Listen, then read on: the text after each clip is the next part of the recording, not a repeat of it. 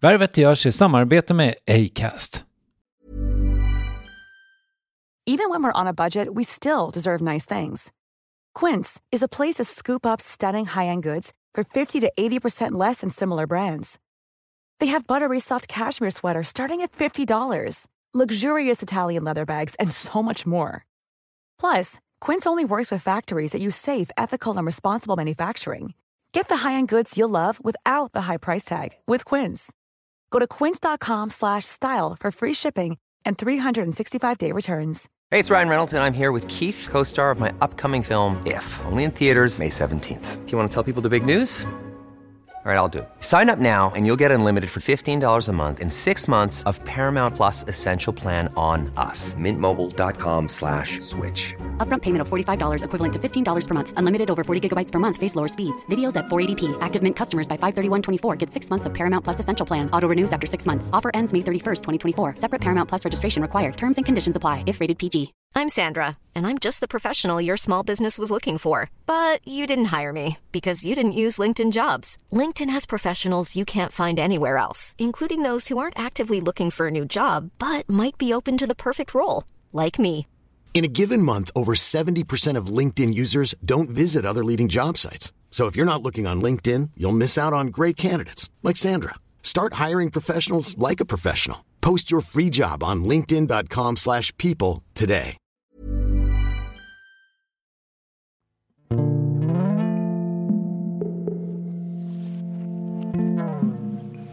Men det är också en sån här grej som händer när man eh, spelat på Ullevi, höll jag på att säga. Man blir lite så här, nu ska jag njuta av livet. Det har tagit mig 20 år att komma hit. I alla fall så får jag hela tiden höra det från människor runt omkring att så här, du måste leva nu.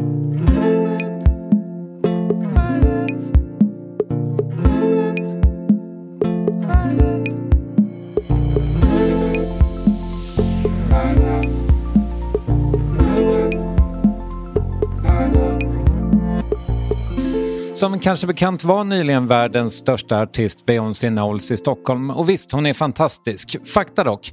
Antalet producenter och låtskrivare bakom hennes, eller för den delen Harry Styles, Miley Cyrus eller Ed Sheerans låtar är inte sällan eh, 5-10 per sång. Och visst, Laleh jobbar också med andra, vi ska prata om det. Men hon är trots allt låtskrivaren, producenten och artisten i projektet som bär hennes namn.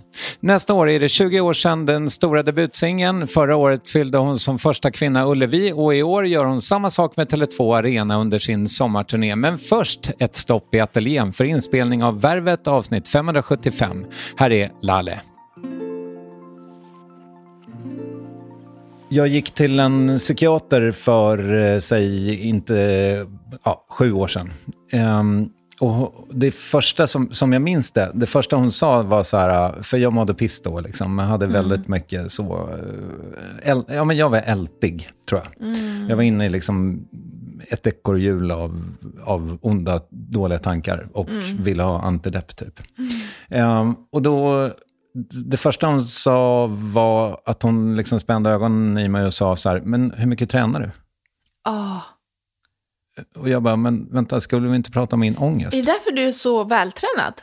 Äsch. Jo, men du Laleh. ser jättevältränad ut. Laleh. Tack. Bra jobbat. Ja, jag har varit på gymmet. Ja. Ja. Men, En dag vill jag också, nej. men, men hur har du det med det? Rör du på dig tillräckligt? Liksom? Jag försöker röra på mig så mycket det går. Vi har ju spelat Eh. tennis. Det kanske är Ja, hemligt. det kan, ja, just det. Eh, Men jag, jag, det är också så här perioder, men jag vill röra på mig och jag vet att det är bra och jag gör det lite lagom sådär.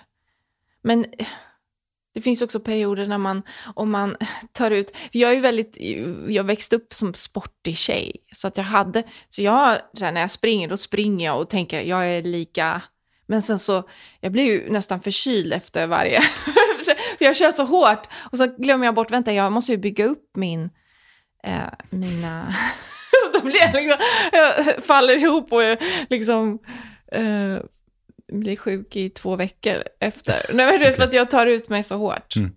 Eh, Så att nej, jag, jag ska försöka hitta en balanserad. Men är det inte typ ett pågående projekt hela tiden, hur man ska träna? Det, det, jo, det är väl faktiskt. Idag fick jag ett nytt träningspass av min PT, men, men, och det känns jättespännande för nu har jag haft samma lite för länge. Men, Började du från noll? Eller liksom Ja. var du väldigt otränad i ja, början? ja, och jag Okej. var, ska jag säga, eh, faktiskt typ i din ålder. Eh, eller det var nog inför att jag skulle fylla 40, Mm. Okej. Mm. som du gjorde förra året. Eh, som jag kände, nej, men jag kan inte ha det så här. Nej. Eh, men sen, och sen har det ju varit ja, men då tio år av eh, off and on, liksom. Ja. men mest on.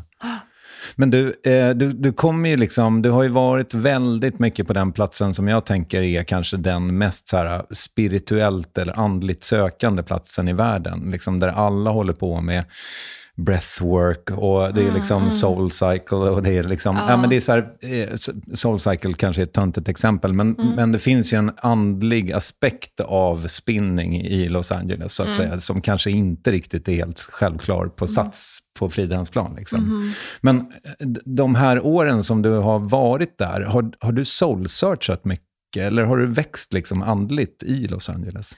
Nå, kanske det jag tror att...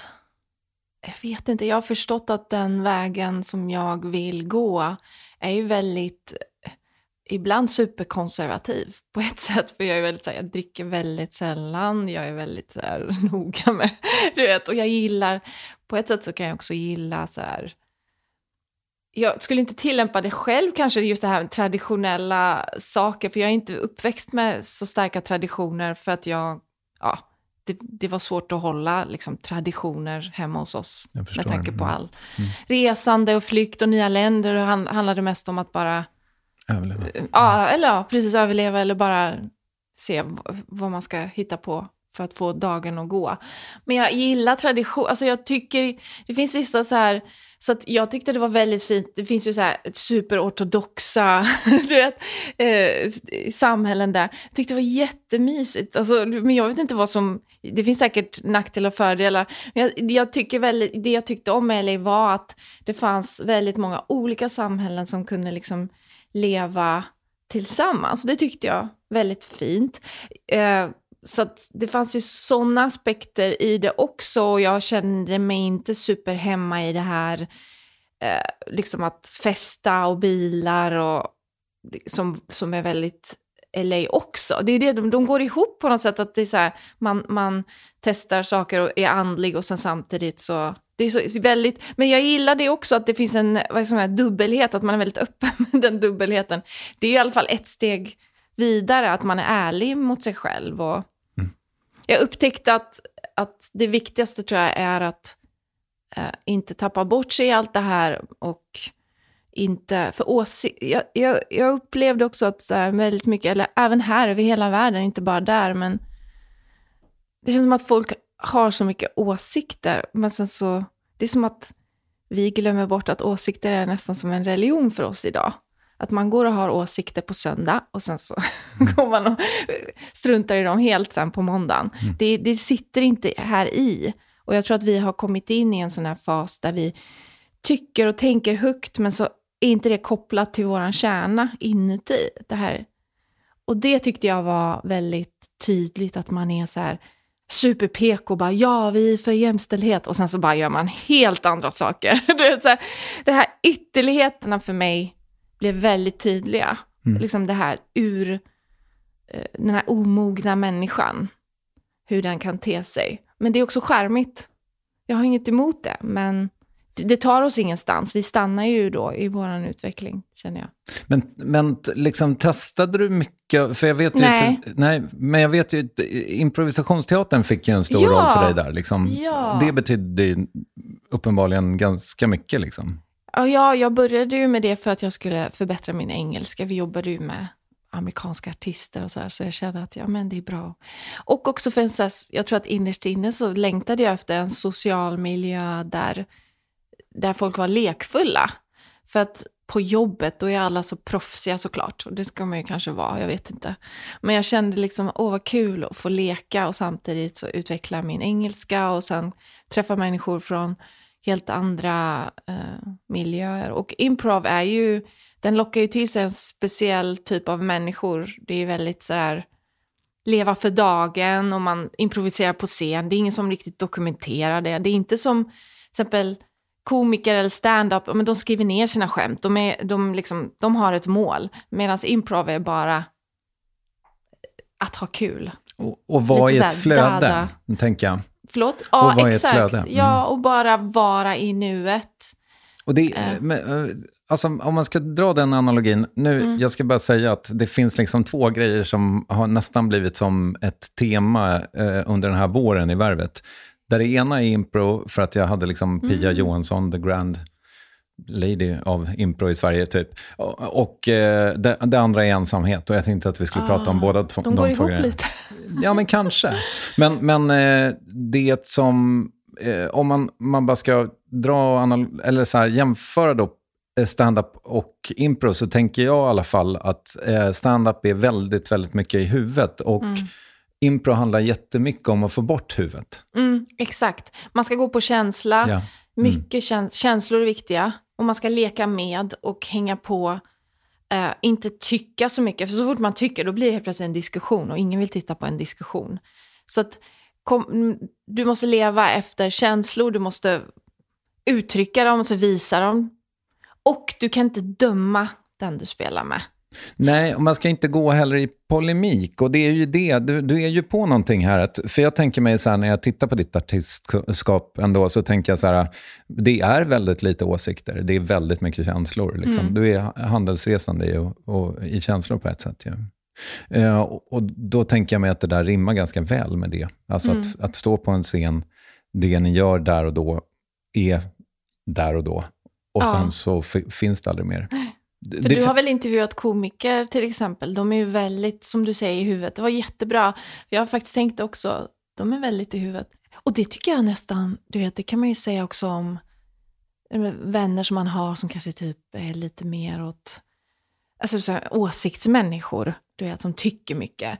De är ju extremt mycket i huvudet. Och det de levererar är ju bra. Och man tycker så här, ja det här var ju bra. Och så vänder man sida och sen har man gått vidare. Det hänger inte kvar. Eh, så då undrar jag ofta så här, undrar hur det är att vara en sån som tycker extremt, för du märker ju med mig att jag tycker liksom nästan ingenting, men jag tycker mycket, men inte riktigt. så här, jag tänker så här, vad jobbigt det måste vara att vara en sån som tycker, eller liksom som, som, ha, som ser saker svart och vitt, men också skönt kanske. Är det därför, liksom, är det därför eh, vi mår sämre? För att vi tycker så mycket och känner inte med kroppen. Alltså vi känner inte av. Jag vet inte. Jag blir, jag tror, det är nästan som att det hänger ihop, eller hur? Mm. Jag tänker på empatin ska ju komma från att man vill inte göra någon illa. Men när det blir så här bokstavligt, du måste ha empati för de här människorna. Det här är, så här ska det vara. Då blir det inte naturligt, utan det ska ju komma inifrån. Man ska känna empati, det ska vara kunskap. Och när ska vi börja öva de färdigheterna, tänker jag. Det finns väl i och för sig, jag menar om man tittar på, det kanske är absolut mest tydligast med Nooshi Dadgostar, där man ändå känner att det finns liksom ett patos. De, de åsikter som hon gör, ger uttryck för handlar liksom om att hon på riktigt har erfarenheter av att växa upp i Sverige, eller vad fan det nu är, och, ett, och se ett samhälle som hon vill förändra. Och det tror jag är liksom det här bladvändandet som du pratar om. Jag gissar bara att hon har de åsikterna nästa vecka också, så att säga. För det, sitter, det kommer från någon eh, kärna. Ja. Och det tycker jag man känner, nu känner inte jag till hennes texter, men jag, jag, jag tycker att man känner en skillnad när någon, när det kommer från en kärna eller när det kommer från ett huvud. Du vet, när det kommer från... Och det, jag tror att vi kommer bli bättre också på att urskilja det, hoppas jag, att vi kan bli bättre på det. Jag, jag, har ju, jag har ju tänkt liksom att jag har varit lite tråkig över de senaste åren, för jag har tyckt allt mindre. Ehm, jag har haft väldigt lite så här, alltså, jag är inte så bra på Twitter till exempel, för jag tycker Nej. inte tillräckligt mycket. Nej. Men, och då har jag sett det lite som ett karaktärs, en, en brist nästan, att man blir tråkig.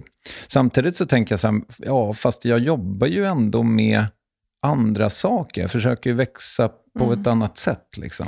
Men om du tänker så här då, skulle du vilja möta, om det kommer en jättestor grupp människor mot dig, du står på en, i en gränd, så kommer det jättemycket människor, 50 pers.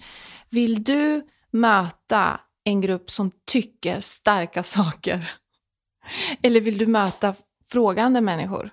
Ja, det senare låter ju roligare. Ja, och det är exakt så vårt samhälle fungerar. Om vi tycker för mycket och för starkt och, och vi vet för mycket, då tenderar det oftast bli väldigt, om, en, om vi ska hårdra, fascistiskt. Alltså det är så lätt för oss att hamna där. Så det är ju faktiskt inte bara sympatiskt, utan det är också viktigt rent politiskt. För att de, de jobbigaste, jag tycker är alla, de som liksom tycker och de vet att jag är god, jag vet och så vidare. Och så, så, de är ju de mest läskiga människorna, tycker jag.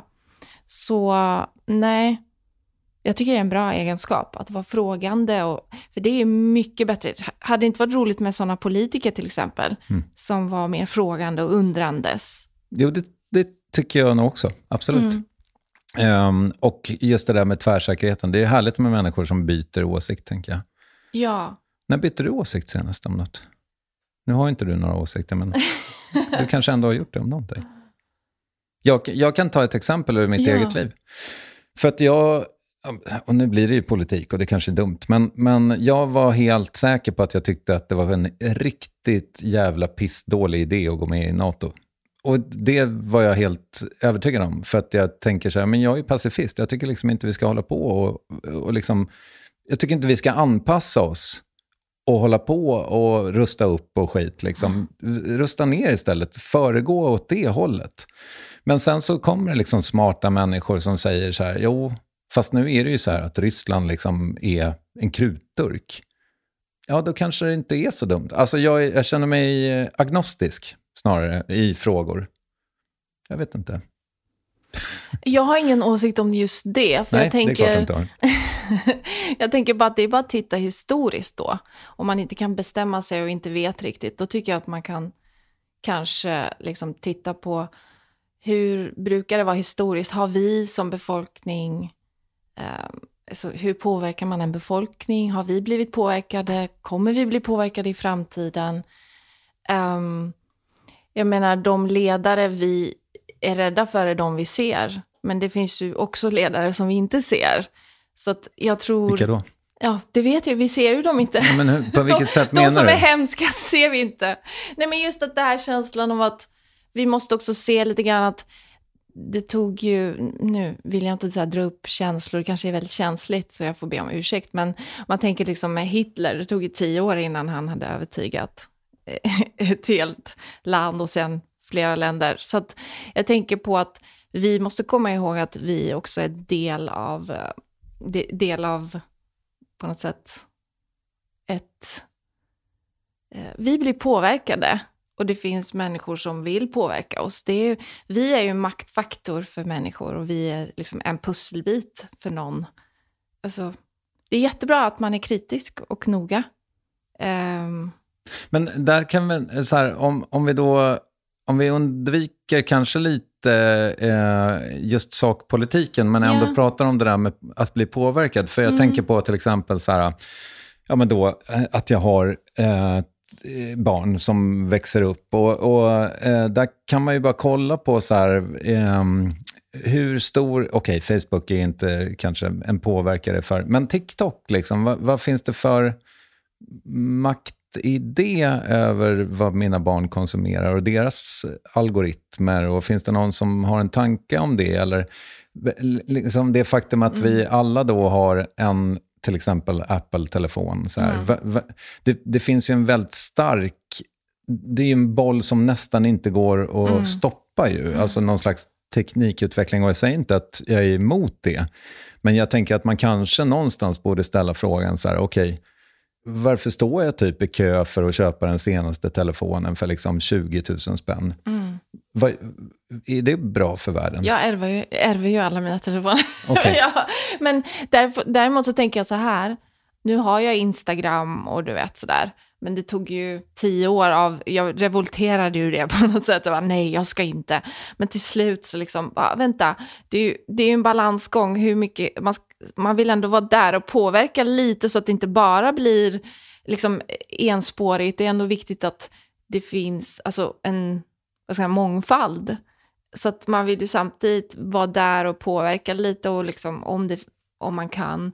Eh, och sen samtidigt inte bli påverkad av det. Så mm. det finns ju en sån där, man måste balansera det och, och det veta. är väldigt svårt, tänker jag. Ja, precis. Men det är väldigt svårt för att man märker ju också att um, jag vet inte, jag har känt att jag måste äga mig själv, jag måste ha makt över mitt liv. Och där har jag, sagt, där har jag satt någon slags gräns, att nej men det här, nu känner jag maktlöshet, nu håller jag på och säljer mig själv. Du vet, så, här, du vet, så fort jag känner den känslan så känner jag nej, stopp. Mm. Så där någonstans har jag satt en gräns. Liksom.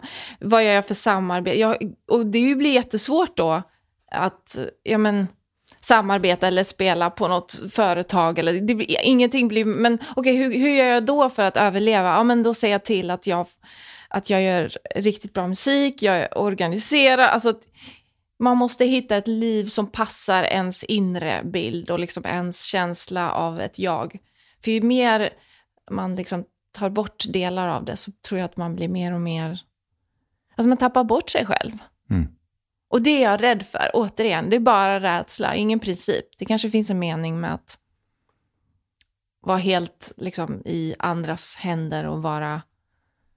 Eh, men det, jag, jag, jag trivs inte i den, med den känslan. Och det är därför jag alltid velat vara min chef. Du vet, min egen, du vet, så här, det var jätteviktigt, även från början. Och jag, ibland kan jag avundas sådana som kan liksom, gå och jobba 9 till 5 och sen så har de semester och helg. Det, är bara, det låter så mysigt att kunna stänga av och vara så här, ja, jag, jag, jag jobbar bara.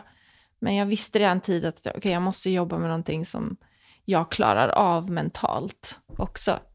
Jag vet inte varför. Nej, men det här är ju ändå liksom din eh, livsmission, tänker jag. Att mm. du, för det, jag menar, nästan alla intervjuer med dig som är lite längre så hamnar man ju i det här, alltså, och vi har pratat om det förr också, det faktum att du säger, okej, okay, men nu ska jag eh, göra musik, det här är mitt nya liv. Mm. Och då sätter jag mig i tre år och lär mig det mm. från grunden, hur man faktiskt producerar, så att jag inte behöver vara i händerna på någon annan. Mm. Och jag tänker mig också att nu kanske jag är ute på lite fragil mark, men jag mm. tänker mig så här, för, för min känsla, jag är inte insatt och jag, jag, jag vill inte att du ska må illa, men min känsla är att eh, när du skulle liksom bli ett namn i Max Martin-stallet, ja. var det det som hände där? Att du kände så här, nej, men det här är, nu är det inte jag som är chef längre? Kanske. Nej, men det som hände var att dels att jag, jag turnerade, jag skrev ju bara för mig själv där och då fick jag liksom en slags åter, um, så, som ett liksom tredje break. För så, jag hade ju lite hits och sådär och sen tänkte jag, men nu ska jag inte vara artist mer, nu ska jag vara sådär en av grabbarna och bara låtskriva och chillaxa. Mm. men eh, så kom jag dit och det var ju kul, men det var ju där jag också skrev bara för mig själv. Och liksom fick en jätte, tack för låt. Du vet, alla de här låtarna som handlar om liksom tacksamhet och vara sig själv. Och, så jag tror den här kombinationen med, med att eh, jobba med andra artister och sitta där och försöka övertyga dem om att de ska skriva låtar som liksom, var mer skör eller var mer sårbar. Berätta vad du egentligen tycker och känner. Alltså gå till botten. Och så försöker du dra ut det här ur... ur och, och, så märker man att så här, vissa bara vill stanna. Nej men jag vill bara göra en kärlekslåt om att jag står här och eh, liksom vad det nu kan vara och han är där, du vet det blev liksom ett, det blev ett tungt arbete. Och vissa gånger funkade det liksom med några av artisterna, men jag träffade ju många andra som, du vet, man så försöker ha en djup... liksom bara så här, låt oss skriva en låt som faktiskt betyder någonting för dig och inte bara eh, men, en dag på jobbet. Mm. Och så här, ah, jag vet inte, I like cigarettes, typ så här. Man bara, okej. Okay. så det var, jag märkte att det var svårt att bara vara låtskrivare och producent och försöka göra någonting som jag i alla fall tyckte var meningsfullt för mig. Alla måste göra sin grej och jag kände att jag fick inte liksom plats överhuvudtaget i det där. För de ville skriva andra saker som inte jag ville skriva om. Och då märkte jag att jag kanske är mer artist än jag trodde.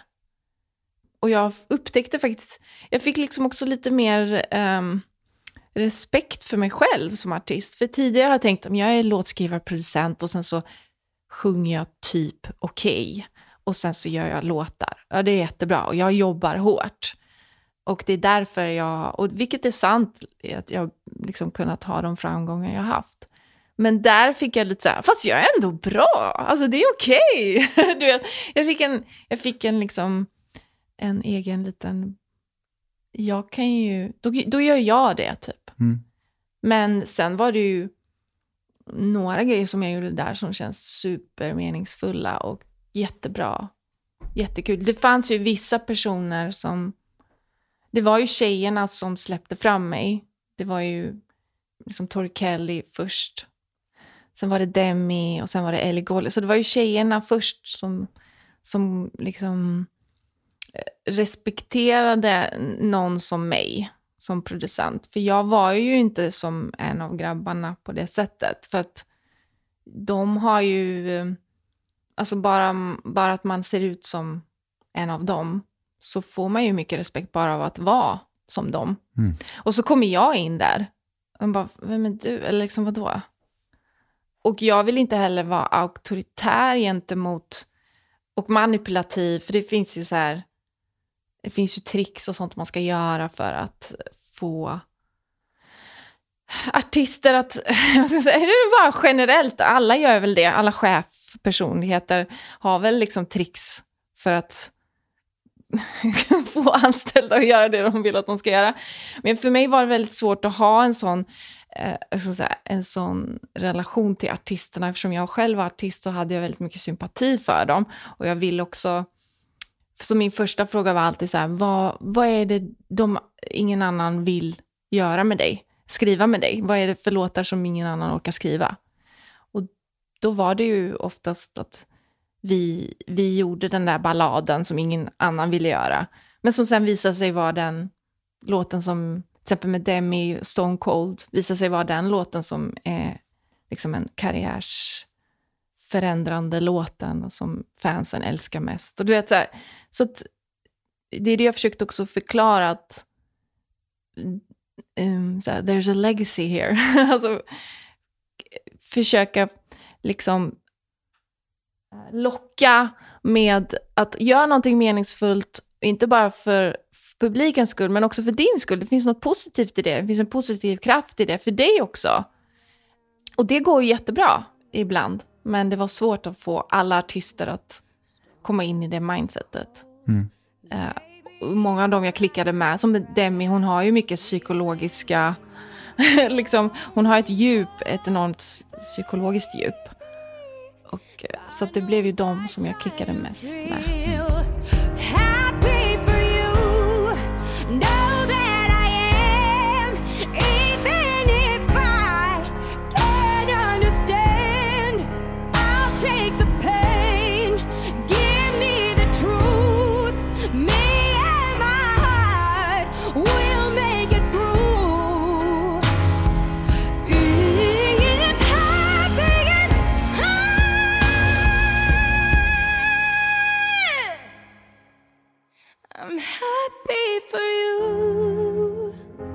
Men hur eh, liksom, går det att säga någonting om hur, eh, hur den arbetsplatsen var det? Jag menar, det är väl... Du har ju varit där. Jag har varit Va, där. Kan inte du säga hur det var?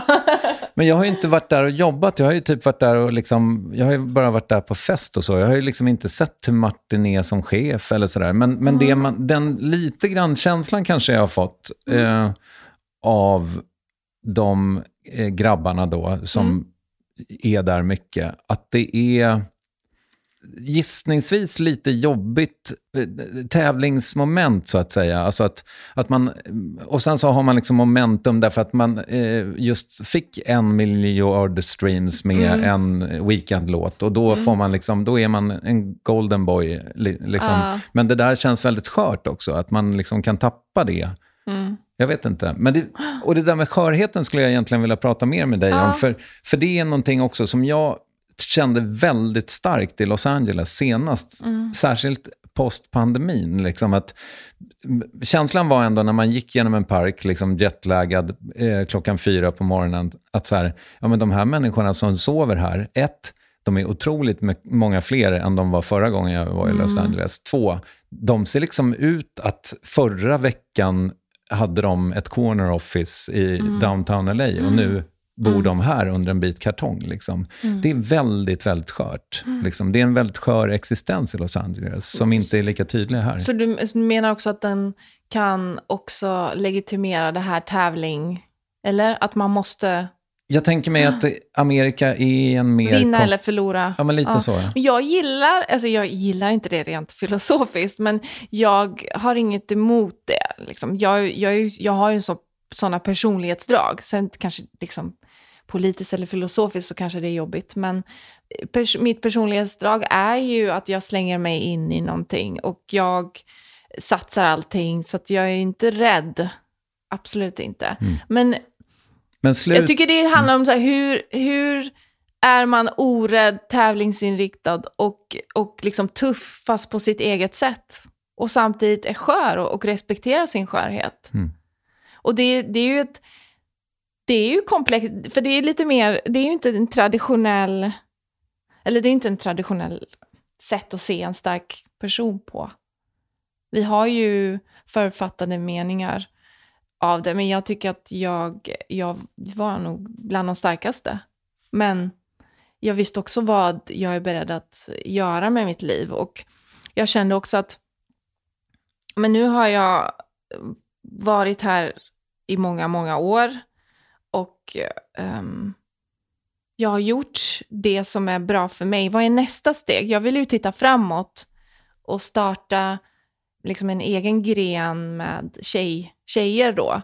Och det, inte för att jag inte tycker om, det är bara att det råkade bara vara killar och då tänkte jag, men kan inte vi bara råka vara några tjejer då? Liksom, det blir inget så här, um, jag menar bland mina närmaste kollegor är ju killar, så det, jag har inget emot det. Men det var så här, jag visste hur jobbigt det är att vara tjej i de här sammanhangen och tänkte att de håller inte här, liksom, de tar slut ganska fort.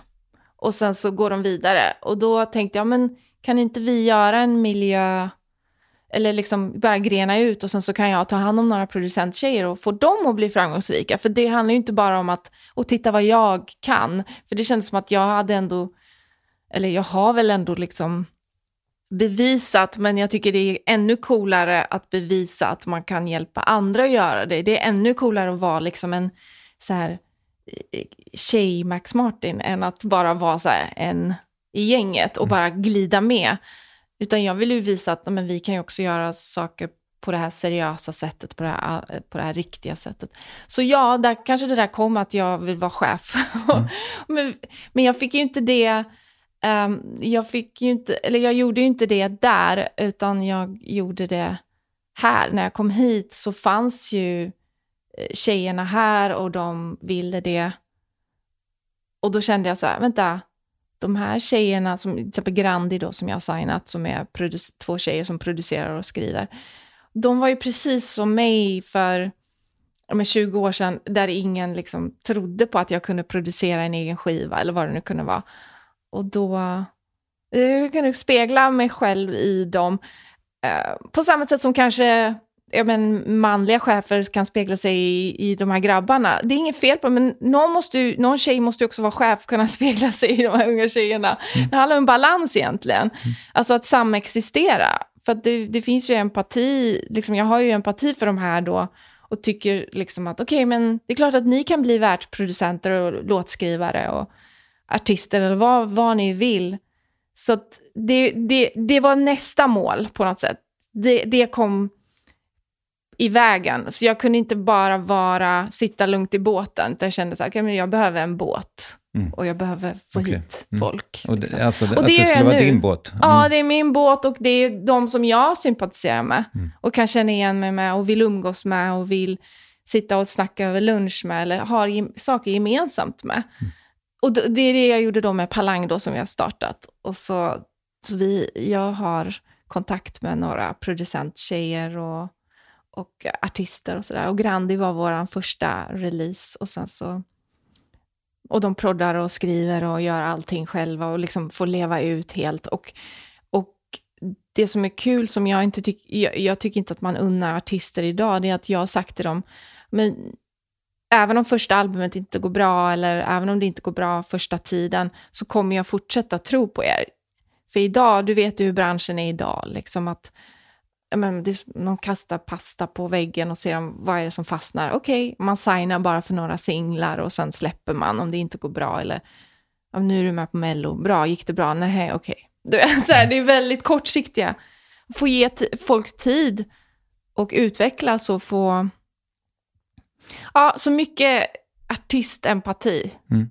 Det är liksom, men det, det är klart att när man har sådana här idéer, det är som att jag skulle säga till typ kungen att bara, ah, men du, jag tänkte vara kung lite här. Mm. Alltså, det är ju det är klart att det är lite så här, men jag har alltid varit sån. Jag har alltid, eh, jag har alltid haft jättebra självförtroende och jag kan klara av allt i princip. Inte allt, alltså när det kommer till jobb.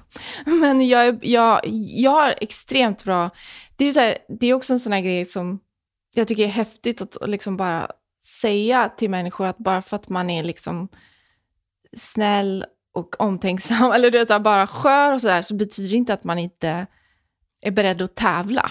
Och är beredd, okej, okay, visst, så länge villkoren är liksom lika så kör vi. Mm. Så att jag är väldigt tuff, jag är en gammal fotbollstjej. Liksom. Jag är ju mittfältare, gammal mittfältare som bara... Mm. men, men om man bara målar bilden då, vi behöver verkligen inte fastna i det här, men det mm. är ju någonting väldigt, alltså det är ett otroligt fint hus där i Los Angeles som ligger på den här gatan som jag har tappat namnet på. Men, mm. eh, och så är det typ så här, men Marilyn Monroe har bott där eller något. Ja. Eh, och så är det liksom en fantastisk villa och massa studiorum och så här. Och så det ett jättevackert liksom bla bla bla. Ska du ha det så också med Palang? Ska du ha liksom ett palats i Enskede där du... Ja, men har... vi har, men typ. Ja. Jättefint. Och så har jag gjort några studiokomplex. Så att vi har några studios som tjejerna jobbar i. Så går jag runt och träffar dem och så hänger vi. Mm. Så det är jätteroligt. Jag har fått det som jag har liksom längtat efter. Det enda är väl att det hade varit jättekul att äh, få, äh, vad ska man säga, vi är ju annorlunda. Alltså, skivbolagen är ju inte vana vid, vid äh, vad ska man säga, jag ska säga, det ska jag förklara, men, det är en, men jag tror också att framtiden är ovanlig. Man vill ha det där ovanliga, man vill ha det där konstiga eh, och musiken är på väg dit. Så det känns ändå som att framtiden är vår. Mm. Och det ser man också lite grann att, eh, att den är det. Men, men eh, Game Changers då, rent musikaliskt, ja. vad, vad har, eller lyssnar du ens på musik på det sättet? Liksom? Nej. Nej. Jag vet inte om det är bara min generation eller om det är fler som känner så. Men när vi växte upp så lyssnade vi, vi på musik och satt och lyssnade på det. Det fanns inte så där i bakgrunden hela tiden. Man dansade eller lyssnade eller jag tror kanske en, det är kanske också en del av varför jag är så fascinerad av musik. Jag menar, om, om någon börjar spela så här, några ackord, jag bara ja vad fint, ja och sen, du så här, hoppa på det direkt. Så jag har inte nog tagit, jag har inte haft det liksom för givet, musiken. Vad var din fråga nu igen? När du, när du hörde någonting som förändrade hur ja. du ser på musik, typ? Ja, precis. Jag ska se, när hörde jag någonting? Och för att göra det ännu svårare för dig så ställer mm. jag en ny fråga medan du mm. funderar. Men, för, för, det finns ju, jag har ju träffat många låtskrivare och det känns också som att så här, den dag man börjar jobba med det så förstörs det på ett sätt. Det går inte att, det går inte, att inte dekonstruera låten för... Liksom... Ja, men då har du träffat sådana där proffsiga. Ja. Mm. Och så känner ju inte jag. Nej, vad skönt. Alltså jag dig. kan ju bli inspirerad av någon spelar några enklaste ackord på pianot. Så mm. bara, la da da, börjar skriva. Men jag gillar ju text. Mm. Jag är ju så här, jag gillar, liksom, jag är nyfiken på vad som kommer att flyga ur mig. Inte för att jag är så spännande, men för att det är kul för mig att veta vad är det jag försöker sätta i ord. Och oftast är det saker som jag behöver jobba med själv. Det är någon slags så här... För, nu, för ibland när jag ser bakåt tänker jag, ah, men det är ju inte konstigt att jag skrev den här, mm. den perioden i mitt liv. Jaha, jag gjorde det för att. Mm. Så att det finns... Um, nej, jag har fortfarande jätteroligt med det. Men däremot så märker jag att jag kanske, ja, men som nu med den här låten Framåt, då ville jag ju att den skulle låta lite så här retro och kul. Och lite töntig och glad. För jag tyckte så här, det, varför, varför, varför får man inte vara det då? Varför ska alla vara så coola hela tiden? Liksom, det är så otacksamt. Det är så här väldigt så här, att säga västerländskt fenomen, men det är någon så här fenomen, du vet, när man har haft det bra väldigt mycket, då blir man cool. För att man liksom unnar sig det. Bara, men varför, vadå, vem är du? liksom så här, det, är inget, det finns ingen tacksamhet i någon som tror sig för mycket, tycker jag. Då tycker jag det blir oskärmigt. Men, så då kände jag att jag vill göra en, en sån typ av låt för att liksom gå emot det här som, som känns som att man ska vara så deppig eller vad det nu kan vara. Uh, i, i, de, I de fattigaste länderna har de gladaste musiken.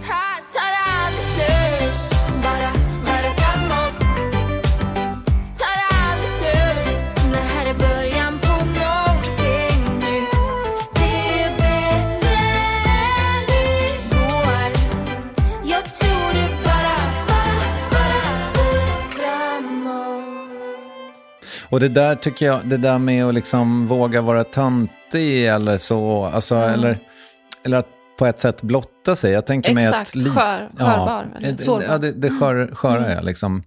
Ett slags, för du pratade om det här med coolheten. Jag tänker mig, jag, jag kan inte riktigt översätta det till svenska tror jag, men jaded, liksom. Att man är Mm, lite avmätt på något sätt. Ja. Att man har sett allt och hört allt. Och det, Världsvan. Ja, eller? lite så ja. Ja.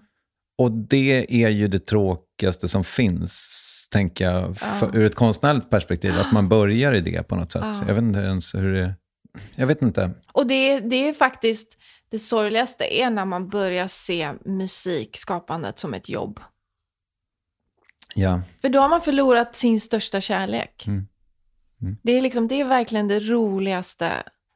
Och det är det jag kände också, det vi pratade om förut, att glädjen liksom, var viktig, är viktig för mig, att den ska få ta plats. Och då menar jag inte att jag skuttar runt och är glad och är filosofisk hela dagen. Absolut inte. Jag är ju väldigt sådär enkel att ha, eller hur? Nej, men, för att man sitter i en intervju och pratar om sina tankar, men det är inte så att man sitter och pratar om det. Utan det är mer bara en känsla att man är sådär lycklig över att få leva. Du sa, det, du, du sa något väldigt intressant alldeles nyss. Att eh, de liksom fattigaste, eller de som har det tuffast, de har den gladaste musiken. Va- Vad bygger du det på? Jag tror att det är så. Okej. Man, jag, jag tänkte ju till exempel alltså, nämna som Salif Keita har ju så här, det är jättebra, det är glatt och det är, men det är fortfarande, eller eh, kubansk musik eller salsa eller du vet, allt, det är bara glädje och så folk står i fattigdom och är jätteglada och dansar. Hela reggaeton-grejen kanske? Ja, eller dansband kan ju också vara ett sånt här exempel liksom, som, som bara handlar om glädje. Fast vi har inte varit det så vet jag inte. fattiga. Nej, exakt. Nej. Nej. Eller? Nej, men det finns ingen coolhet. Alltså, förstår du? Man, man är befriad ifrån coolheten. Man, är bara, man går till botten med glädjen och tacksamheten till livet. Ska, du inte jobba, ska, ska inte du jobba med ett dansband? Det har varit Varför väldigt väckte jag den intressant. här björnen, känner jag? Nej, men det vore väl jätteintressant?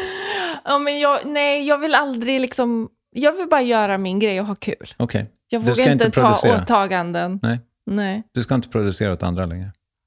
Jo, men det gör jag ju via mina tjejer, men också ibland när jag känner att jag orkar. Men det är också en sån här grej som händer när man eh, spelat på Ullevi, höll jag på att säga. Man blir lite så här, nu ska jag njuta av livet. Det har tagit mig 20 år att komma hit. Nu ska jag verkligen, liksom, de åren i LA var så, det var så jobbfokuserat. Eh, och jag kände att jag, vill, jag är en fri liksom, fågel. Jag måste, få, jag måste ha kul och ha roligt. Och jag, jag prioriterar inte samma... Liksom, för mig handlar det inte längre om att överleva, utan jag vill leva på något sätt. För att, I alla fall så får jag hela tiden höra det från människor runt omkring att så här, du måste leva nu. Mm. Liksom börja njuta av livet. Och så här. Vad fint. Men, samt, för, men Mm. samtidigt för mig är njuta av livet också att, att göra någonting meningsfullt och, liksom, Mm. och fortsätta skriva låtar som hjälper mig, men förhoppningsvis också någon annan. Ja, Du, bra. eh, nu- jag har inte tänkt på det ur den aspekten, men nu när vi sitter här och pratar och du säger de här sakerna så tänker jag att i viss mån är din musik ganska ofta så här affirmar, affirmativ, är den inte det? Vad betyder det? Nej, men jag, jag, jag vet inte. Jag ska googla. Nej, men eh, det, det jag tänker då är... Tröstande Liksom, menar du, eller? ja, men affirmationer tänker jag mig väl handlar lite grann om att... eh, Bekräfta. ta, tacksamhet till Ah. exempel, alltså att man... Det finns någon sån... Ja, men när du går och lägger dig så tänker du på de saker under dagen som du är tacksam för. Um, Mm. Åh nej. jo, lite. Gör du det? Nej, jag gör Alltså, inte det. De Men jag som tänker, det funkar för är ju jättebra. jag tänker att det hade varit bra. Men sen kan man ju också skriva en låt som handlar om hur tacksam man är. Ja, jag tror det här pre- pretentiösa sättet är, är lite krävande. Det ska vara roligt och liksom lekfullt och skönt. Man måste liksom... Jag är inte bra på det där i alla fall, att skriva ner och tänka och så. Jag är bra på, försöker vara bra på att planera mitt liv och tänka känslomässigt. Om tio år vill jag vara fri. Mm. Hur är jag fri och hur kommer jag dit? Eller jag vill känna den här känslan i kroppen. Jag vill sitta runt ett bord med vänner som tycker om mig och jag tycker om dem. Eller du vet, sådana typer av ja, men typ strategiska val för framtiden. Okej. För de, de, det är också, för, så att man inte hamnar där man helt plötsligt, hur hamnade jag här? Det tycker jag nästan man borde redan i skolåldern lära barnen att så här, istället för frågan om vad vill du bli när du blir stor, är det här, hur vill du känna dig? Vad är det för känslor du vill ha? Och sen utifrån det, ja men jag vill gå till jobbet och sen så vill jag bara komma hem och vara ledig. Ja okej. Och, och jag vill känna den här känslan, jag vill ha familj eller ja, egentligen vill jag nog det, eller du vet vad det nu kan vara. Mm. Så man inte kommer på det. Men det är aldrig för sent för sig. Och sen är det ju så här, du, du, ser kanske också, ja, eller jag, jag, jag borde ställa det som en fråga, men, men ser du Mm. ditt privilegium att du faktiskt visste så himla tidigt vad du ville göra? Ja, och det är kanske därifrån, det är därför jag kanske är så tacksam som jag är. Och säger och pratar ofta om mina föräldrar, att liksom jag är så tacksam över det de har gett mig och den kärleken och respekten.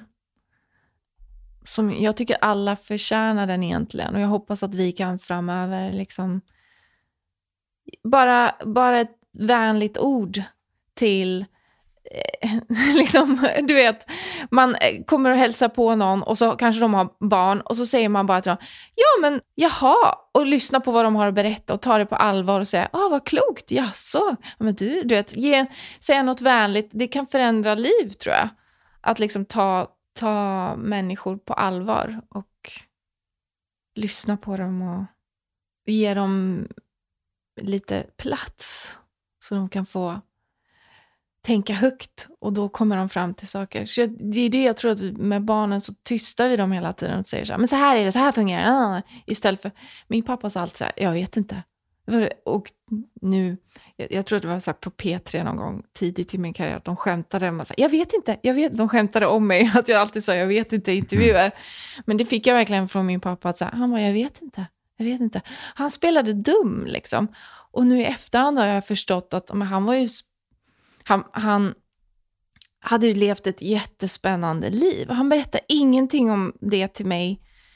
Han hade liksom växt upp i en fattig by, tog sig själv till Teheran, blev litteraturprofessor, skrev böcker. Alltså det är så här, inget sånt har jag fått veta från honom, för han var så här, Målade också väl? ja, målade och liksom skrev och han gav mig så mycket plats. Mm. Så ja, absolut, jag ser det verkligen som ett privilegium. Och jag ser det också som ett, som en, liksom att, inte en pliktkänsla, men det känns som ett kall, ett positivt kall. Att det som mina föräldrar väckte hos mig vill jag gärna väcka hos lyssnaren. För jag tror ändå på att vi, vi är mycket mer lika än vi, vi tror Mm. ändå. Mm. Men, men som sagt, jag tror inte man kommer förstå mig när jag pratar. Eh, utan jag tror att man kommer kanske förstå Sen får man lyssna på Behåll ditt huvud för dig själv. Så här, bara plötsligt bara, vänta det är fåglar som bygger bo i mitt... Alltså, eller om man lyssnar på... Jag vet inte, jag tror att det kommer, det kommer sakta men säkert med musiken. Man måste liksom... Jag vet inte. Det känns bara som att jag inte kan uttrycka det jag vill säga med ord. Eh, och jag kan göra det mycket bättre med musik. Mm. Och text. Och text, ja. ja det kanske... Och det, det... Vilket på sätt och vis också är ord. Ja. och det är också en förmån att jag fick upptäcka det, att jag, att jag kunde det. Um, tänk om inte jag hade hållit på med musik, jag vet inte. Jag hade kanske blivit forskare eller något sånt där och liksom velat um, forska och jobba i något labb och testa saker och experimentera. Och... Samtidigt så hade jag inte varit fri i det heller för att det finns så incitament och du vet, jag hade varit fast i det. Så jag hade inte ens kunnat vara fri i det för att jag hade kanske inte haft medel till att göra den forskning som jag ville forska kring. Och då hade jag också varit fallit offer för någonting då kanske, jag vet inte. Och det känt att jag inte var fri. Fast jag tror att du, jag, jag menar, sett ifrån det som du har skapat för dig själv, så varför skulle du inte ha kunnat göra det på en annan väg än den ja, du har tagit? Ja, kanske. Jag hoppas det. Det som är rättvist med musiken är ju att man behöver egentligen ett instrument och tid. Vilket i sig är en förm ett förmån, absolut. Men det var ändå en, en billig, billig hobby, om man säger så. Mm. Det brukar väl vara så. Idrott och musik är ju de som är mest lättillgängliga. Men eh, sen upptäckte jag att om man, om man vill göra skivor, då måste man ha studio. Då kommer ju en ny fas då. Så alla de här, men faktiskt fram till bara några år sedan så har det hela tiden varit en så frigörelse, frigörelseprocess. Och nu äntligen håller jag på att bygga den här studion där, där, liksom, där jag kan bjuda in folk och jobba eller ge andra eh, en, liksom en studio att jobba i eller kontakter eller allt det där som de kanske behöver. Um, det, det, ja, mm. det är en frigörelse process att bli fri. Och, om, och i det där då, mm. liksom i det tioårsperspektivet, så mm. hur, hur, ser du, vad, hur vill du känna när du är 51? Oj, vad svårt. jag bara, jag tycker man ska, men jag vill nog, jag vill fortsätta lyssna på min magkänsla och fortsätta vara intuitiv eh, inte göra saker jag är obekväm med. Och vara så här noga och rädd om mig själv och fortsätta med det. Um, så det är det viktigaste känslan jag vill känna. Och så vill jag vara fri och jag vill också hjälpa andra för att kunna glädjas med dem. Mm, du vet, när det går bra för men till exempel nu med Grandi, de fick sin låt nu på någon film, du vet. Och man bara, så blev vi glada tillsammans. Och det är en sån otrolig glädje. Mm. Och fortsätta vara glad och samarbeta med andra. Um, och sen också förhoppningsvis så på vägen så bevisar man också någonting. Att vi kan också göra det. Mm. Men, eh, jag har så himla många frågor kvar. Ja. Och vi eh, har förhoppningsvis tid också. Men en av dem som jag känner att jag skulle vilja fråga dig om nu när du mm. liksom har förlorat båda dina föräldrar. Jag vet att du, du har pratat om det tidigare, om liksom att på sätt och vis är det, var det dubbelt för dig. För å ena sidan så antar jag att sorgen var väl där, men också mm. att det kom med någon slags frihet. Mm. Eller? Du menar med uh, frihet Alltså du tänker när jag blev äldre? Du, du eh, gav en intervju när du precis hade flyttat till Los Angeles. Jag tror inte att det var med mig, men, men att det var så här, men eh, det här hade du inte kunnat göra om din mamma var i livet så att säga. Alltså att ah, ja, okej, okay, men min mammas, ja för det var efter, eller det var under Colors-skivan då. Ja, friheten att flytta till LA till exempel, eller bara mm. ut och spela. Mm. Absolut. Men, eh, eh, men det låter kanske konstigt om man inte förstår riktigt vad jag menar. Det var ju många, hon, var ju, jag, hon var ju lite krasslig några år innan, så det var ju också, man ville ju inte lämna programmet. Så kanske var i, i det sammanhanget, men jag vet inte, jag skulle nog inte säga fri på det sättet som man skulle kunna tolka det, även om du säger rätt med ordet fri. Men med, med fri kanske jag menar... Jag vet inte vad jag skulle mena med det i, i och för sig. Jag tycker bara att det är... Jag skulle kunna byta ut allting mot att få ha mina föräldrar. Mm. Definitivt. Mm. För att jag tycker att det viktigaste är familj. Det finns inget bättre liksom. Mm. Bleknar minnen av dem? Hur menar du? Ja, Jag är nog lite rädd för det. Nu är båda mina föräldrar fortfarande i livet. Men jag, bara, Mm. jag, jag vet att jag hade Ernst Kirchsteiger här för länge sedan i Värvet. Och då pratade han om att han liksom gick ut i skogen och försökte minnas sin pappas röst, tror jag. Eller om det var skrattet eller vad det var. ja. Ja, jag vet inte. Jag har inte gått riktigt in på djupet. Alltså jag tycker att för varje ny fas i livet så minns man dem och tänker hur skulle de reagerat i den här situationen? Mm. Så jag tycker minnet blir starkare för man blir också mer lik dem. Nu är det inte alltid kul när man blir lik de jobbiga sidorna. Men de, de härliga sidorna är ju väldigt kul att eh, bli lik. Vad är det för jobbiga sidor du har av dem då? Nej, men eh, eh, för mig är det jättesvårt att minnas jobbiga sidor från pappa, men min mamma gjorde väl ganska tydligt under min barndom vad hon tyckte var jobbigt med pappa. Han var ju typ, den här typiska konstnärs... Liksom det var stökigt, mycket böcker, allting liksom, liksom, det var upp och ner och nu skulle det målas i vardagsrummet och nu stod han här och tryckte med sina penslar mot, mot duken tick, tick, tick, tick, tick, för varje blad som skulle... så, så att det var ju, um, det var nog svårt för henne att eh, liksom leva i det där kaoset för att hon var ju eh, hon var ju matematiker och liksom väldigt matematisk. Och du vet, Iran är matematik också väldigt viktigt. Det är väldigt sådär...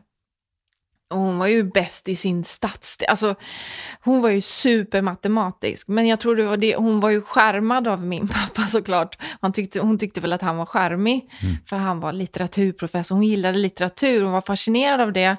Men som matematiker tror jag att man har en annan typ av fas- fascination, för man tycker att hur kan man komma på det här?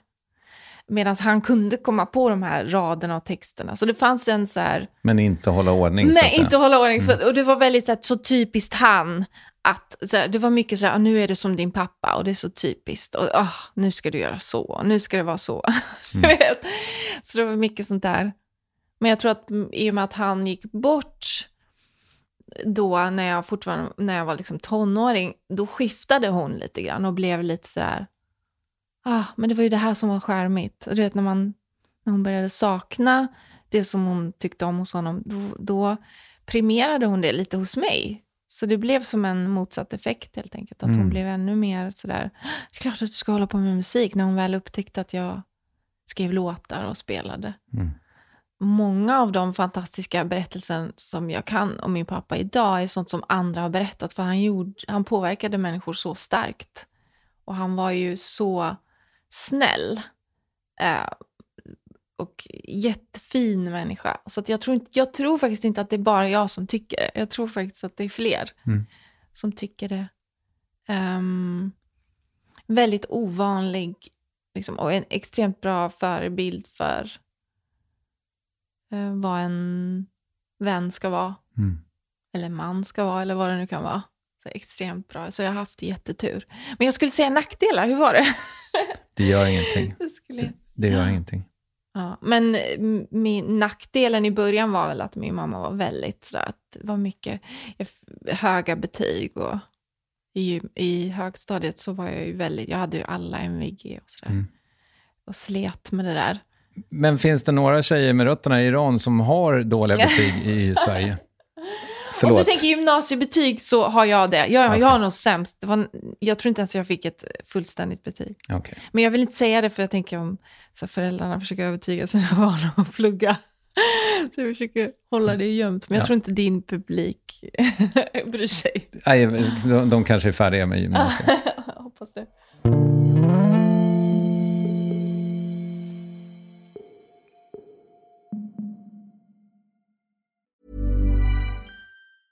Hi, I'm Daniel, founder of Pretty Litter. Did you know cats tend to hide symptoms of sickness and pain? I learned this the hard way after losing my cat, Gingy. So I created Pretty Litter, a health monitoring litter that helps detect early signs of illness by changing colors, saving you money and potentially your cat's life. Pretty Litter is veterinarian developed, and it's the easiest way to keep tabs on your fur baby's health right at home. Go to prettylitter.com and use code ACAST for 20% off your first order and a free cat toy. Terms and conditions apply. See site for details. There's never been a faster or easier way to start your weight loss journey than with PlushCare.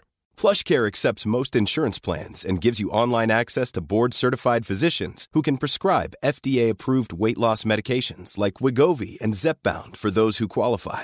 Take charge of your health and speak with a board-certified physician about a weight loss plan that's right for you. Get started today at plushcare.com slash weight loss. That's plushcare.com slash weight loss. plushcare.com slash weight loss. I'm Sandra, and I'm just the professional your small business was looking for. But you didn't hire me because you didn't use LinkedIn jobs. LinkedIn has professionals you can't find anywhere else, including those who aren't actively looking for a new job but might be open to the perfect role, like me. In a given month, over 70% of LinkedIn users don't visit other leading job sites. So if you're not looking on LinkedIn, you'll miss out on great candidates like Sandra. Start hiring professionals like a professional. Post your free job on linkedin.com/people slash people today. Yes, ny sponsor. Värvet presenteras i samarbete med Svea Bank. Och jag menar inte att ta ner stämningen, men dessvärre är ju lågkonjunkturen här, vilket innebär att de flesta branscher har det tufft och också väldigt många privatpersoner.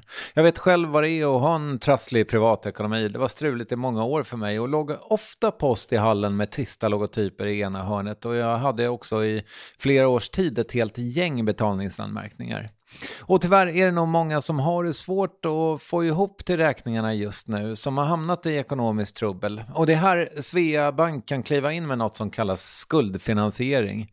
Där löser de skulder hos inkasso och till Kronofogden och till och med om Kronofogden vill sälja ditt boende har Svea Bank möjlighet att hjälpa till. I den här tjänsten får du en personlig handläggare som gör en grundlig genomgång av din ekonomiska situation, de tar kontakt med dina kreditgivare och när ett lån beviljats löser de dina skulder skulder åt dig och samla dem i ett enda lån med en avbetalningsplan som din ekonomi klarar av. För om du har hamnat i klister, du är inte ensam och kanske kan det här hjälpa dig. På svea.com skuldfinans kan du läsa mer.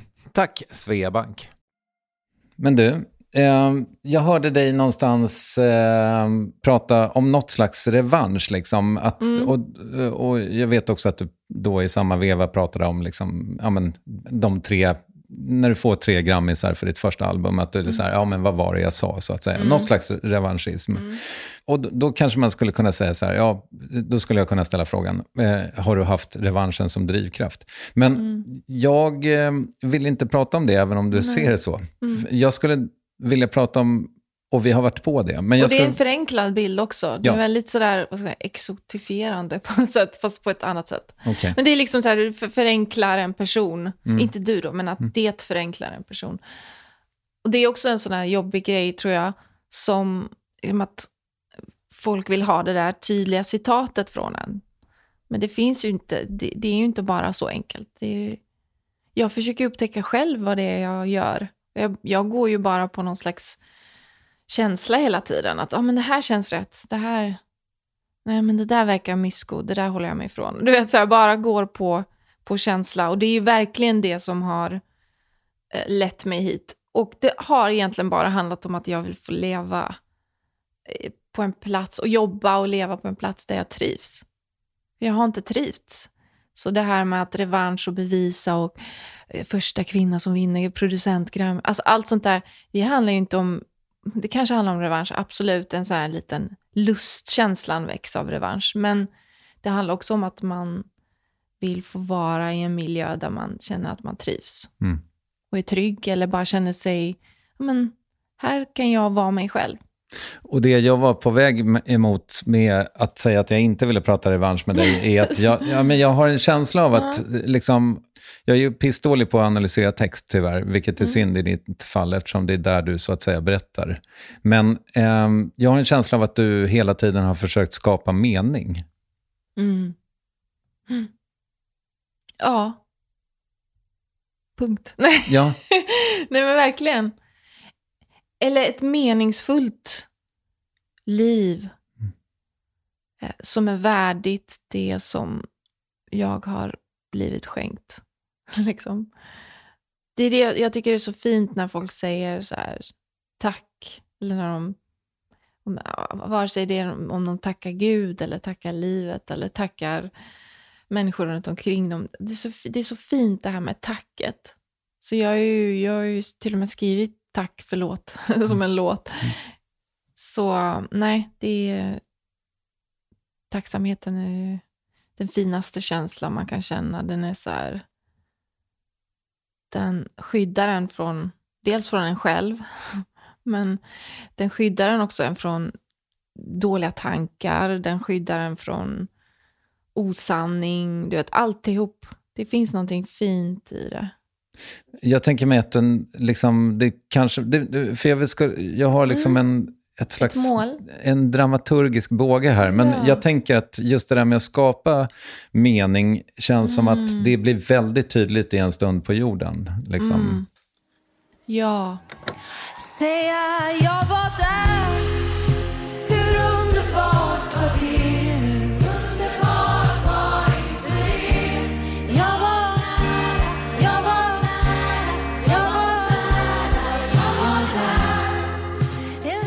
Där fanns det ju ett tydligt mål på det sättet att jag har tänkt att nu ska jag summera lite grann så gott jag kan livet um, för någon som behöver det. Och i det fallet var det min mamma, men kanske även jag och andra. Men just det här berättat, berättat så här var det. Mm. Um, hur började... Och nu kan vi säga att vi mm. var där. Mm. Hur, hur började den? Eh, jag såg hur var stjärnor som landade i havet när vi tog första stegen ifrån oceanen. Jag såg det den gången när vi vadade fram genom vattnet. Jag la mig på marken och tackade himlen att vi fick stiga på land, att vi fick vara här, att vi fick... Att vi fick... Um, vad är det där nu?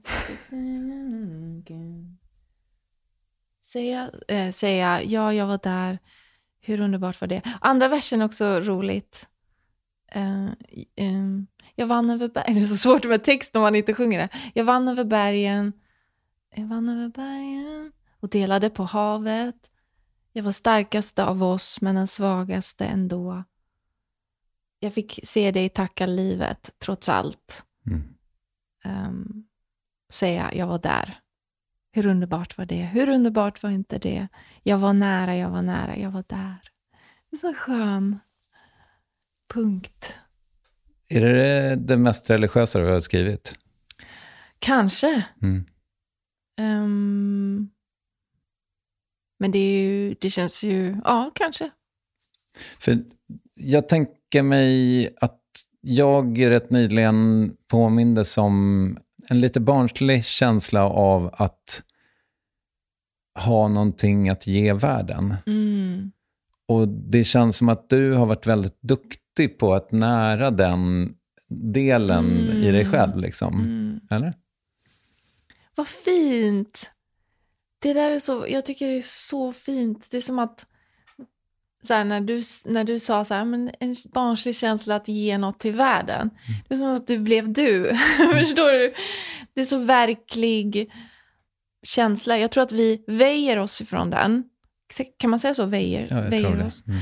Men liksom att vi, vi skjuter ifrån den där naiviteten eller liksom barnatro, eller inte barna, men kanske... Jo, jo använd jo, det ordet. Ja. För, för vet du vad? Jag kom, i, I samma veva kommer jag ihåg den här känslan av att så här, ja just det, fuck Jesus så, eh, gud vad jag relaterar till honom. Liksom. Uh. Det där att fan vad det är jobbigt. Men mm. sen någonstans lite längre fram så kommer det att vara värt det. Liksom. Mm. Och jag, Jesus är en liksom väldigt... Han är, det, var, det gjorde de bra uh. när de hittade på den storyn. Men det, bland det bästa som då han sa var ju också att jag vill att lagen kommer inifrån. Mm. Eh, och det är precis det som är målet, tror jag, för mänskligheten. Liksom, att vi ska, vi ska förstå lagen, ja, till exempel lagen om att ja, i, inte stjäla, inte, vad det nu kan vara. Den ska komma inifrån. Och det är det som jag tycker är bland det finaste. Liksom, att den ska inte tvingas på eller liksom... Det tycker jag är bland det finaste i alla fall. Det är så fint. Och jag skulle bara vilja, liksom, för jag förstår att eh, när du då öppnar den låten med att säga jag såg hur vi var stjärnor som landat i havet, så tänker jag mig att jag tolkar det som att du pratar om mänskligheten. Men på ett sätt så tänker jag också att eh, när vi eh, föds, när vi är små och får ett medvetande och, man liksom, och världen inte det, det har inte lagts på en någon jantelag eller sådär, så är man en stjärna också. Och sen så krymper man krymper sig själv för att passa in, liksom, för att det ska funka med alla sina jävla konstigheter. Liksom. Och sen... Du Och är den, väldigt självklandrande. jo, men Det är, jag inte, det är ju inte du som väljer att krympa dig själv. Det är ju också, det är också någonting som... läggs på en Ja. utifrån. Ja. Visst. Mm. Mm. Man måste vara också snäll mot sig själv. Jo. Det Men- är det, det är, ju- ja. Men jag tänker mig att, så här, att få underhålla den känslan av att vara en stjärna liksom, på något Mm, sätt. Att, att känna sig liksom... Ja, men, att, alltså så här, som jag tänker att du dels gör med din musik varje given sekund, vilket Mm. ju måste vara en ganska härlig känsla, tänker jag, om man tänker på det. Vilket jag antar att man inte gör hela tiden, för att det vore kanske outhärdligt. Eh, men, Alla mina låtar börjar deppiga. Ja, okej. Så att det börjar ju inte glatt. Mm. Men det är att jag genomskådar mig själv. Och tänker, har du glömt att du är en stjärna? Ja, men precis. Ja. Mm. Det är fint. Har du glömt att du är en stjärna? Ja, Men det- jag tror att det är också en sån här, det kanske är också en sån här mognadsgrej, eller om, man, om, det, om det är ålder eller vad det nu kan vara, men jag tycker att jag ser människor mer som stjärnor. Och också att man, man tycker nästan att alla är lite barn. Liksom man börjar se så här, åh, du har varit ett barn, men då såg du ungefär ut så här, aha. Man får den, den känslan och det är lite svårare att tycka helt illa om någon. Eller liksom, man tycker mer synd nu än, förut kanske man blev arg. Mm. Det är en sån här mognadsgrej som jag märker, jag vet inte, det, det kändes som att du gick in i det där när du sa att man vill liksom göra något fint. Det, det hänger ihop liksom. Den, den, men det låter ju konstigt när man inte är där. För kommer du ihåg när man var yngre när någon sa så här, det är roligare att ge bort julklappar. Mm. Då trodde man ju att de hittade på det när man var yngre. Så det är ju inte heller något man kan lära någon, utan det är någonting man måste uppleva och sen förstå själv. Men det är roligare att ge julklappar. För idag tycker jag det. Jag hade aldrig tyckt det för tio år sedan eller du vet, 20 år sedan. Jag trodde att man, det var en teori, men nu känner man det på ett annat sätt. Men det är ju det där lagen ska komma inifrån. Och då, då, då krävs det dedikation och tid. Jag tror mina låtar är ett bra sätt. Om man lyssnar på det, liksom kommer in i det. Eh, eller andra artister eller musik där, där man vet att låtskrivaren vill en väl. Och inte vill bara bekräfta den här mer, det här första stadiet i din sorgeprocess. Eller det här första stadiet i, ditt, i din kärleksrelation. Eller stick du, jag bryr mig inte om dig. Alltså det är ju verk, verkligen första, första stadiet. Ehm, utan hitta de här som kan hjälpa dig och, och komma snabbare fram till de här andra stadierna. Men, men samtidigt, varför? Ja, det vet jag inte. Men då kan du i alla fall varit där. Du, vet, du var där. Det handlar ju också om, en stund på jorden kan ju också handla om att jag fick leva mitt liv på riktigt. Jag fick, det är det som är så kul när man ser så pensionärer och äldre. De är ju hur tokiga som helst. Just för att de, de tänker så ah, varför gjorde jag, varför satt jag där och inte gjorde det jag ville? Eller du vet. Du, eh, alldeles strax så ska jag, eh, dels så ska vi försöka eh, börja Ja, runda av, men sen så ska jag också utmana dig i din integritet på ett sätt som du aldrig har varit med om förut. Så, ja, det kommer bli riktigt grovt. Men innan dess så skulle jag bara vilja prata om det här som vi är lite på med liksom, du har ju skrivit några riktigt, liksom, du har skrivit otroligt mycket musik och några av de låtarna är ju liksom episka på något sätt. Jag menar Snö vet du sen tidigare kanske, jag älskar den. Eh, Goliat, En stund på jorden. Liksom, vet du, eller blir det bara en episk låt eller känner du det från början? Liksom? Nej. Eh, Goliat var ju en låt, någon B-sida, på den tiden hade man B-sida. Eh, som P3 bara, ja men vi ska spela den här. Vi bara, va? Okej. De bara, jo, vi ska spela den. Och så gjorde de det. Och sen var det ju inte förrän några album senare, när Bara för mig själv eh, slog igenom, då kom Goliat upp till ytan. Eh, Samma med En stund på jorden, det var ju åtta år senare som folk började märka den överhuvudtaget. Men, Ehm, men jag kanske inte tänker egentligen... Mm. man tänker inte, och Someday Young, jag visste inte, alltså man vet verkligen ingenting. Man, det är verkligen, eller jag vet i alla fall inte, jag sitter inte där och tänker det här kommer bli si eller så. Mm. Det Nej. slutar man göra efter tio album. Okej. Mm.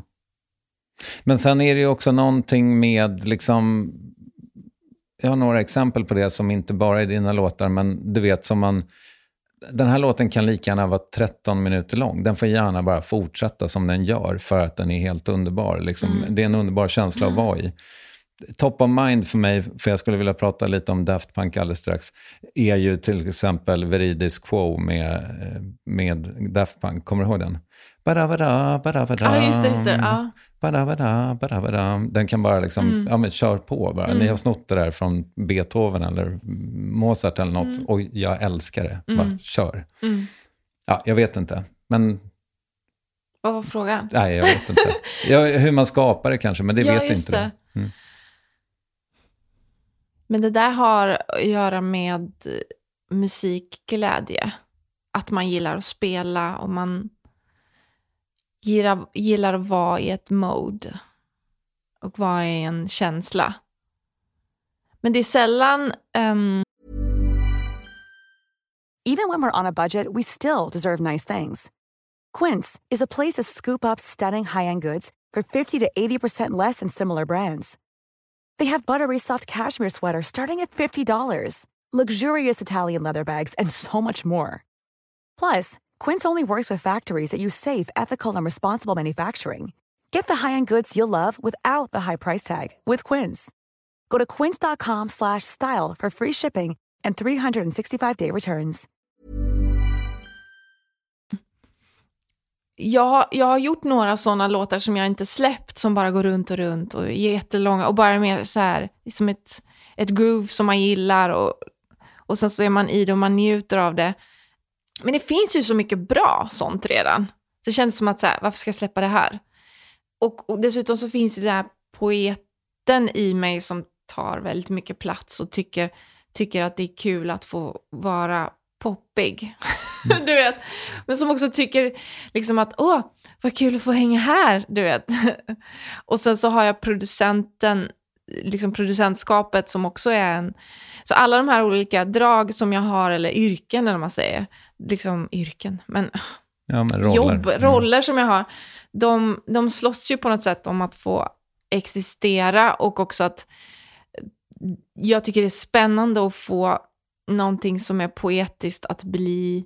Men som jag tycker till exempel, eh, det kommer bli bra, jag är bara en sten i havet, det är inte värre. Det är väldigt poetisk låt, man måste nästan... Den den är lite, det tar lite en stund att förstå men samtidigt inte. Men ändå så gillade ungarna den och den blev ju en, liksom, en hit om man säger.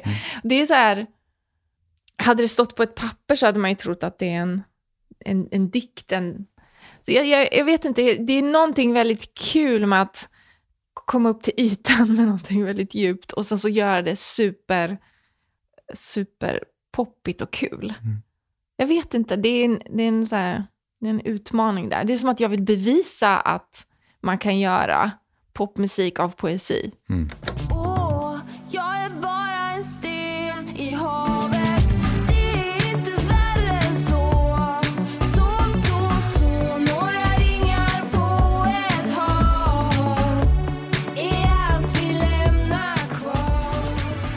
Du, jag sa förut att jag skulle utmana din integritet och nu kommer det. Men varför vill du göra det? Nej, men det är nog inte så farligt. Jag, jag har bara fått för mig att det har hänt väldigt stora grejer för dig privat sen vi såg sist. Och jag letar och letar liksom efter ledtrådar i din musik, men jag hittar dem inte. Och jag tänker mig bara... Alltså, Jo, på framåt. Okej, Det handlar om att bara gå framåt, framåt. okej, En dag i taget. okej. Ja. Så det är så du har kommunicerat det med världen än så länge? Nej, men... ehm, jag vet inte, det är som att jag, jag kanske är lite too cool for school, men jag är ju uppväxt med liksom Kurt Cobain-attityd. Så jag är lite så här, jag, är, jag har en drag i mig som är mot kändiskultur. Du vet, att man ska sitta och prata, det här äter jag och så här tränar jag och det här har hänt mitt liv. Som att jag har en sån här, man kanske inte ser det alltid på mig för jag är så färgglad och vill ha kul liksom. Men jag har ju någon, här, någon inbyggd liksom, mo- motstånd mot allt det där. Jag tycker egentligen jag tycker inte om det. Så så fort det kommer in, så här, prata privatliv, så det är som att jag märker att så här, jag blir så här, ah, det där är ju bara kändisfasoner. Alltså jag blir så här, jag reagerar mot det. Så att jag kanske är...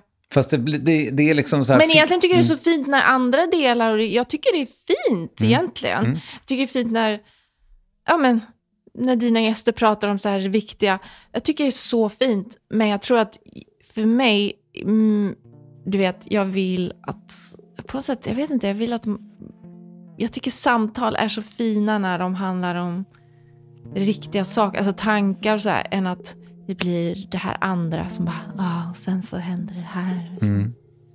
Men du, vet du, då ska inte jag rota mer i det. Men gigantiskt tack för det jag fick rota i och stort tack för att du kom, Lalle. Ja, tack så mycket.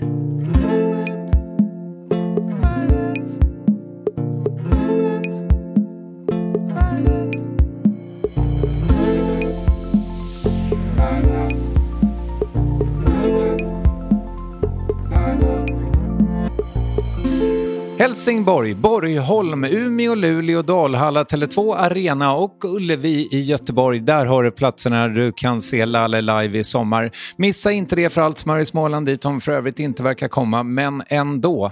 Värvet ges ut av Acast, produceras av Ninni Westin och leds av mig, Kristoffer Triumf. Och det du hör tuffa igång här i bakgrunden är inte bara smått religiöst, det är nästan gudomlig musik. Vi har som max en vecka tycker jag. Kram och hej!